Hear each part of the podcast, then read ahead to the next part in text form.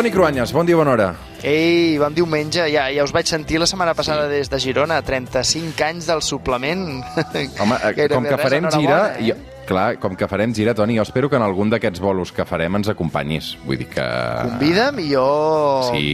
jo anem a Reus, anem a Tàrrega, serem a Barcelona amb el gran bolo final de temporada, vull dir que, que hi seràs perquè la gent també té ganes de veure de carn i ossos el Toni Cruanyes que sent cada diumenge a la ràdio banda de, de la tele. Mira, parlant d'aniversaris, Toni, clar, o sigui, nosaltres som una cosa bastant més modesta, però avui anem a un aniversari més rodó i, i encara de més durada, mirant precisament cap a la història. Sí, avui parlarem de la BBC, perquè aquesta setmana ha fet 100 anys.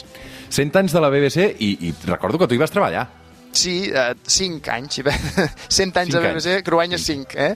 Uh, va ser l'època que vaig viure a Londres i d'això també comença a fer-ne temps ja. Eh? Clar, fa, fa exactament un segle de la primera emissió d'un butlletí de notícies de ràdio a la British Broadcasting Corporation. Eh, ja sé que, Um, que a veure, els, period... sí, els periodistes ens, fa una, ens fem una mica pesats eh, amb les nostres coses, a aquests temes que ens agraden, però si em deixeu avui m'agradaria fer un homenatge a aquest eh, gran referent que és per les corporacions públiques de comunicació de tot el món. A few moments ago, Buckingham Palace announced the death of Her Majesty Queen Elizabeth II. The palace has just Se'm issued. posa encara la, la pell de gallina um, de, de la manera extraordinària amb què aquest periodista ho va, ho va, ho va comunicar, no? perquè el to, la solemnitat, com anava vestit... Uh, aquesta és la, una de les notícies més recents que ha hagut d'explicar la BBC. Uh, feia molts anys que la tenien preparada, la mort d'Elisabet II, uh, però tot va començar el 1922 uh, i, i en aquest cas es va inventar una emissora de ràdio, Toni. Sí, perquè avui la BBC és moltes coses, eh? És televisió, sèries, programes científics, però el primer que va ser la BBC va ser això, un- una ràdio. I saps, del principi, BBC volia dir British Broadcasting Company, perquè l'objectiu era vendre més ràdios, o sigui, vendre més transistors. Els fabricants es van posar d'acord per fer una emissora que donés sentit a que la gent es volgués comprar els aparells. Als Estats Units ja hi començava a haver ràdios comercials, però eren molt disseminades. Eh, Els britànics, eh, que van veure que la comunicació per ràdio era un sector econòmic i polític molt estratègic, van començar a emetre un butlletí de ràdio amb les notícies i prou, i la, i la previsió meteorològica. I, per cert, que això era tan innovador en aquell moment que el primer butlletí el van fer dues vegades seguides. La primera ràpid i després una segona part que van fer-la repetint, llegint a poc a poc per si la gent no ho havia entès. The controllers are ready on vision and sound. Vision and sound are on. El 1922 la BBC era una ràdio i el 1936, eh, ja aleshores, eh, que nosaltres ens va esclatar la Guerra Civil, ja era una televisió. Sí, i a més a més la BBC també era una revista, per exemple, Radio Times, eh, des del 1923. És que des del principi van entendre el concepte de conglomerat. Eh? Primer va ser el govern, però cinc anys més tard ja van aconseguir una llicència reial, que encara funciona, i que permet que la corporació, la BBC, sigui una entitat independent, però que va gaudir durant dècades del monopoli estatal de les zones britàniques, eh? de les zones arsianes. Eh, Volien evitar que es reproduís el caos que creien que hi havia als Estats Units, amb moltes cadenes comercials, i, i aquí hi havia un doble objectiu.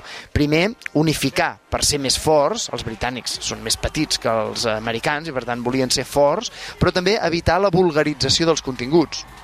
Vulgaritzar els continguts, eh, o sigui, vols dir d'alguna manera eh, eh, evitar que, que s'acabés fes premsa rosa, o sigui, una mena de Telecinco, un Sálvame.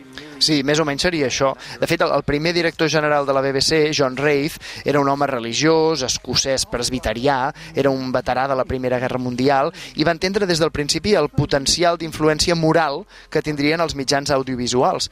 Ell és l'autor de, dels tres objectius que han guiat la BBC i molts mitjans públics del món des d'aleshores. La missió és informar, educar i entretenir. Aquests tres pilars fonamentals encara ara són la base de tota bona programació d'una ràdio o d'una televisió que es consideri de servei públic.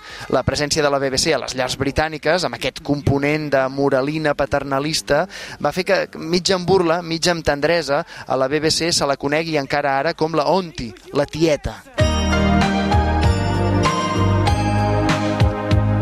Clar, és a dir, les sèries de la BBC han estat famoses eh, més enllà, gent del barri, eh, era la gran sèrie diària, uh, i d'alguna manera és, és el model de totes les sèries de sobretaula que han vingut a Catalunya, per exemple, després, no? Sí, la ficció i els programes d'entreteniment sempre han seguit un component, com deia abans, de, de missió social, eh, de guiar en els valors britànics. Durant la primera meitat del segle XX, claríssimament conservadors, però a partir dels anys 60, sobretot després del maig del 68, hi ha un gir en la BBC cap a públics més joves, més rebels, i aquí comencen els famosos concerts de tot tipus, en directe, i els programes de llistes dels discos més venuts. I els Beatles, precisament, van fer la campanya de promoció de la nova imatge més moderna de la BBC. Sí, amb All You Need Is Love.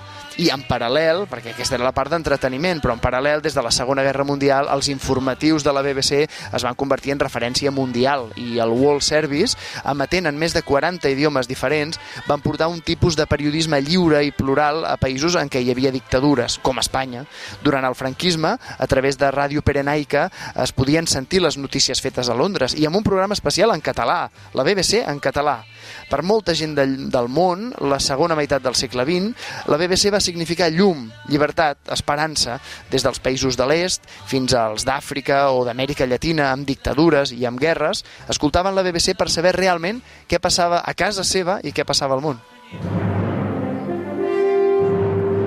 Això és el Sí Ministre, no, Toni? El... Sí, sí. Un altre gran programa. Sí, amb l'arribada de la Thatcher al poder, estem parlant dels anys 80, van canviar moltes coses al Regne Unit i també per la BBC.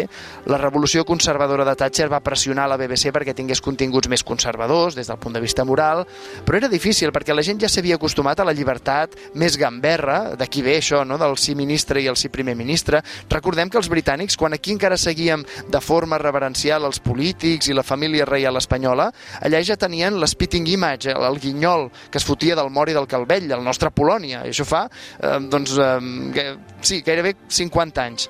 Sèries com Els joves, que alguns recordaran, L'Escurçó Negre, l'Hotel Folti, Aló, Aló, bé, no tots eren de la BBC, però és que quan es va permetre que hi hagués televisions privades, la llavor d'aquesta televisió de qualitat ja estava plantada, i per tant, gràcies a la BBC, els britànics, després, han gaudit d'un nivell de periodisme, i de televisió molt concretament, que està en un nivell superior, per damunt del nostre. back. Gravity's holding me back. I want you to hold out the palm of your hand. Why don't we leave it at that? As It Was, de Harry Styles. Uh, avui, uh, amb una mica de nostàlgia, arribarem cap a les 9 del matí, Toni. Una mica de nostàlgia, la tele d'abans, la ràdio d'abans, una miqueta, una miqueta, va. Toni Cruanyes, una abraçada, bon diumenge, cuida't. Bon diumenge.